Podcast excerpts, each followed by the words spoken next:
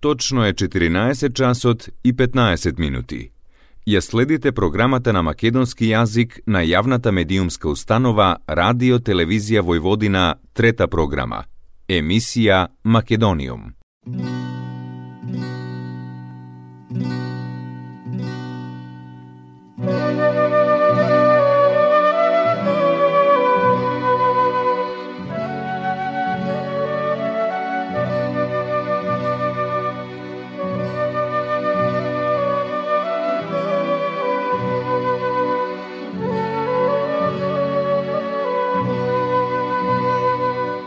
Добар ден и добре дојдовте во најновото издание на емисијата Македониум.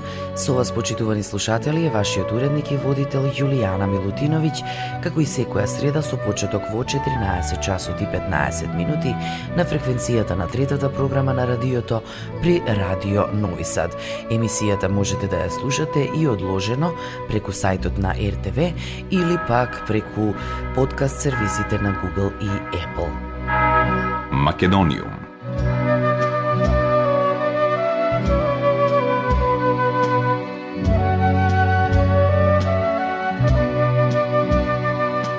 Денеска од 18 часот во Домот на културата Кочо Рацин во Скопје ќе бидат промовирани првите два броја од меѓународното научно списание Балкански хип-хоп студии. Во списанието се објавуваат културолошки студии и теми од музиката, лингвистиката, литературата, уметноста, танцот, историјата, социологијата, филозофијата, перформативните уметности и педагогијата. Списанието е плод на долгогодишните активности на организацијата Хип Хоп Македонија за промоција, афирмација и унапредување на хип-хопот и урбаната култура, а се појавува по повод чествувањето на 50 години на хип-хопот. Ова списание е прво и засега единствено од ваков вид во Македонија и на Балканот и во него учествуваат професори од повеќе универзитети од регионот. Надворешни соработници се македонските хип-хоп музичари Гоце Сав, Тони Зен, Кацар и Бугимен, како и Стефан Марковски и Билјана Миловановиќ Живак, автори на текстовите во двата броја се членовите на редакцијата, потоа Сузи Тенева, Дејан Методиевски, Татјана Вукелиќ, Вангел Нуневски, Христо Солунчев и Виолета Дамческа. Списанието може да се најде во печатена форма и онлайн.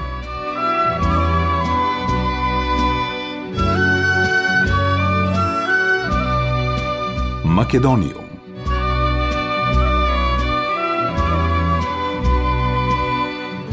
Молитви на моето тело е балетска представа триптих инспирирана од циклусот поезија на истоимениот наслов на Ацо Шопов по повод одбележувањето 100 години од раѓањето на поетот.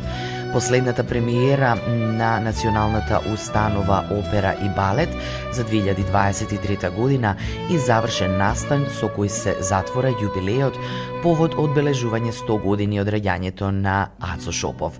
Во првата едночинка, насловена како циклус Раѓања, кореограф е Ивана Коцевска, а композитор Дарија Андовска.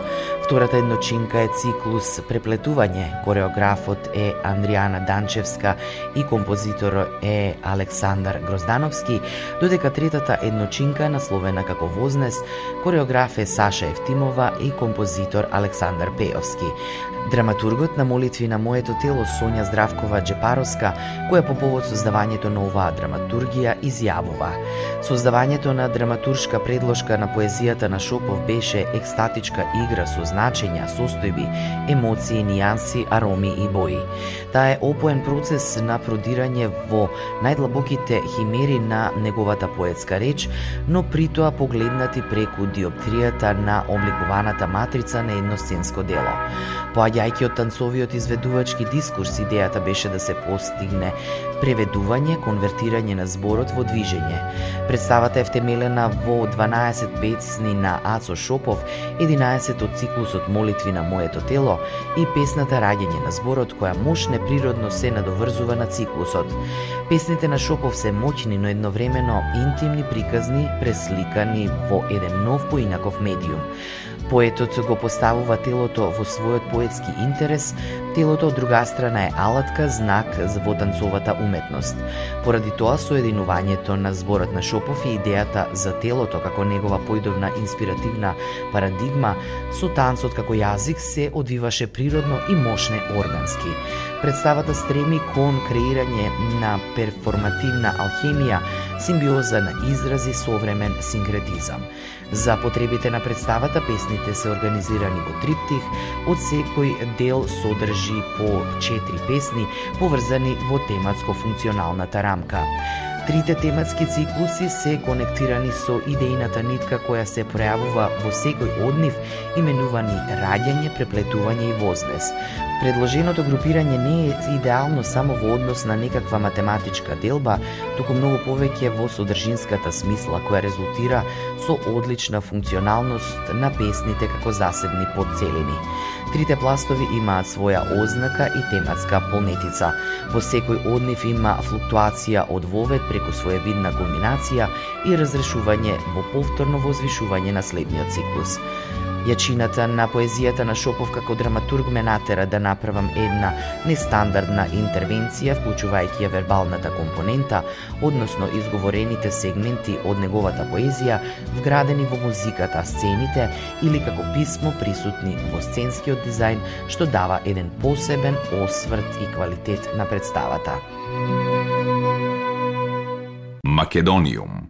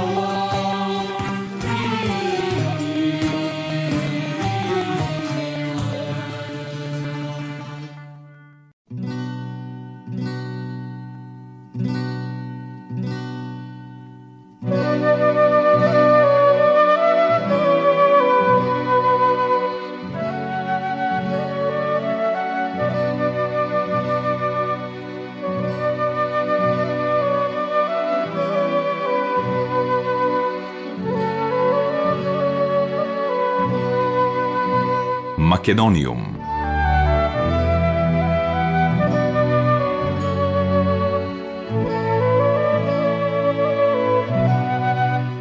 Вчера во киното Фросина во Младинскиот културен центар се одржа промоцијата на монографијата Тажачки песни од Скопскиот земјотрес во 1963 година од архивските материјали на Васил Хаджиманов, на Ана Мартиновска и Жарко Иванов.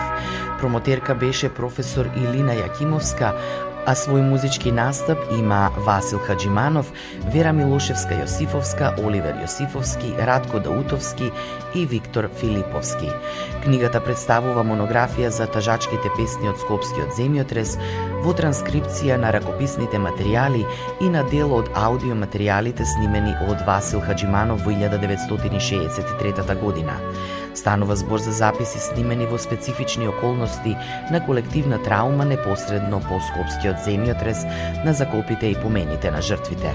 Овие архивски материјали биле необјавени и недостапни за пошироката јавност цели 60 години, па оваа јубилејна година е одлична можност тие конечно да бидат објавени. Александар Прокопиев ќе рече дека специфичниот миг на смртта за кој се врзува чинот на импровизација во овие песни ги прави деликатни и тешки за проучување, дополнувајќи ја редкоста и особеноста на целиот проект. Јасно е дека овие траорни теми и вакви истражувања се раритетни за нашата фолклористика, што ја потврдува и нашата увереност во научниот кредибилитет на незините автори Ана Мартиновска и Жарко Иванов, научници од Одделението за македонска народна литература при Институтот за македонска литература во Скопје и нивната посветеност кон тешки задачи кон науката ги потурнувала настрана со децении. Со задоволство го препорачуваме овој монографски труд за читање не само на научната и стручна публика, туку и на пошироката јавност, засегната со прашањата на македонската народна култура, но особено со културната меморија за Скопскиот земјотрес во 1963 како едно од најболните точки во историјата на градот и државата. Оваа книга на Ана и Жарко не е само фолклористички научен труд, туку и мементо мори за жртвите, за преживеаните, за болката, за поезијата, за народот, за градот во рушевини, за природната катастрофа, за човековата солидарност, паметењето, емоциите и спомените. Македониум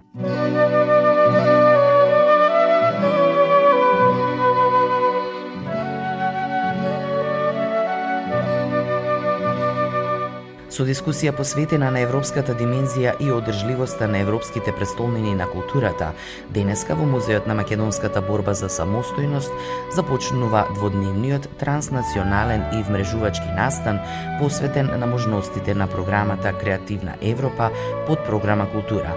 Представници од градот Скопје и францускиот град Руан, кои се во фаза на назначување за европски престолнини за културата за 2028 година, се поканети да ги споделат искуствата на оваа тема.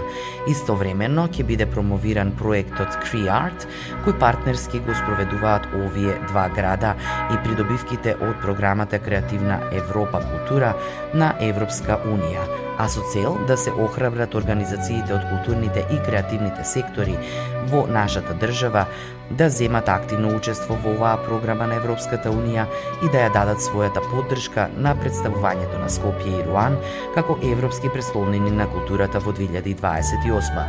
Представниците на канцелариите на Креативна Европа култура од Белгија, Германија, Словенија, Албанија, Црнагора, Србија, Грузија и од Македонија на овие работилници во Музеот на македонската борба и во Порта Македонија ќе ги представат можностите на програмата Креативна Европа под програма култура култура за следната година како единствен инструмент на Европската Унија наменет за поддршка на европската културна соработка изразена преку културното творештво и обединувањето на различностите.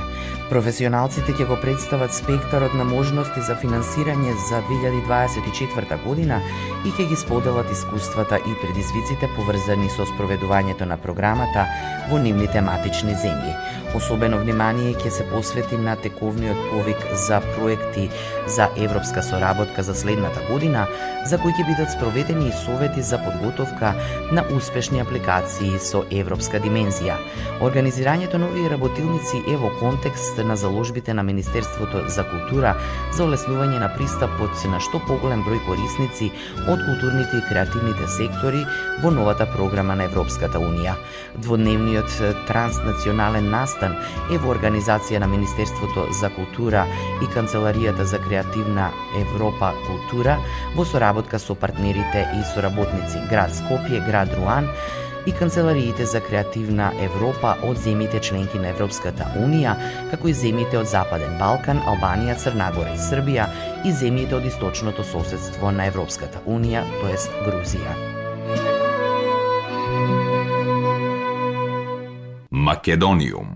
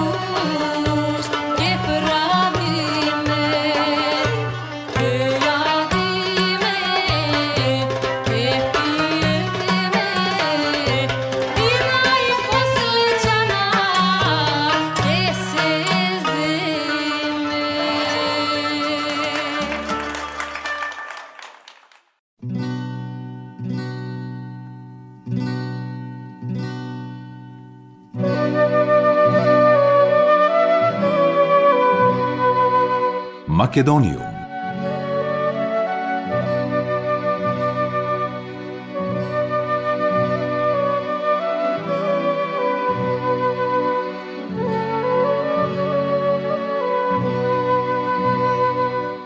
Професорката Рабије Мурати и филмскиот режисер Антонио Митрикески се годинашни добитници на државната награда Свети Климент Охридски, највисокото признание за долгогодишни остварувања во областа на воспитанието, образованието, културата, уметноста, здравството, заштитата и унапредувањето на човековата околина и во социјална дејност од јавен интерес на Македонија.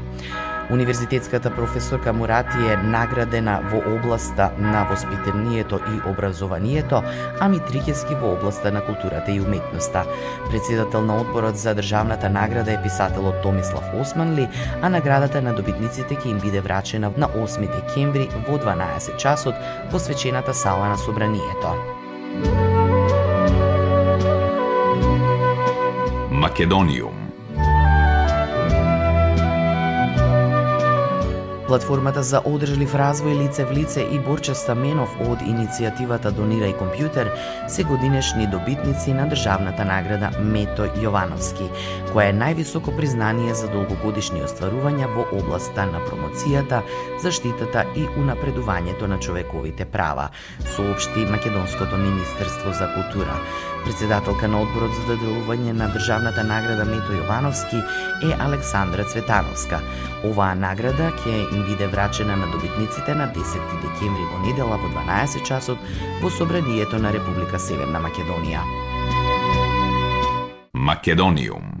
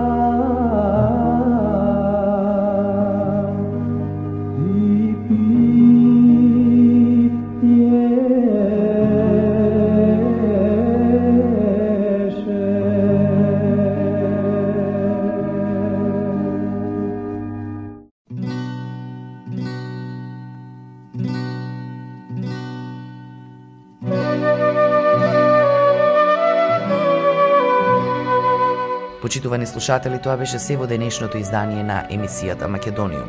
До следната среда во исто време, срдечен и голем поздрав од вашиот уредник и водител Јулијана Милутиновиќ. Ја следевте програмата на македонски јазик, емисија Македониум. Главен и одговорен уредник Воин Поповиќ.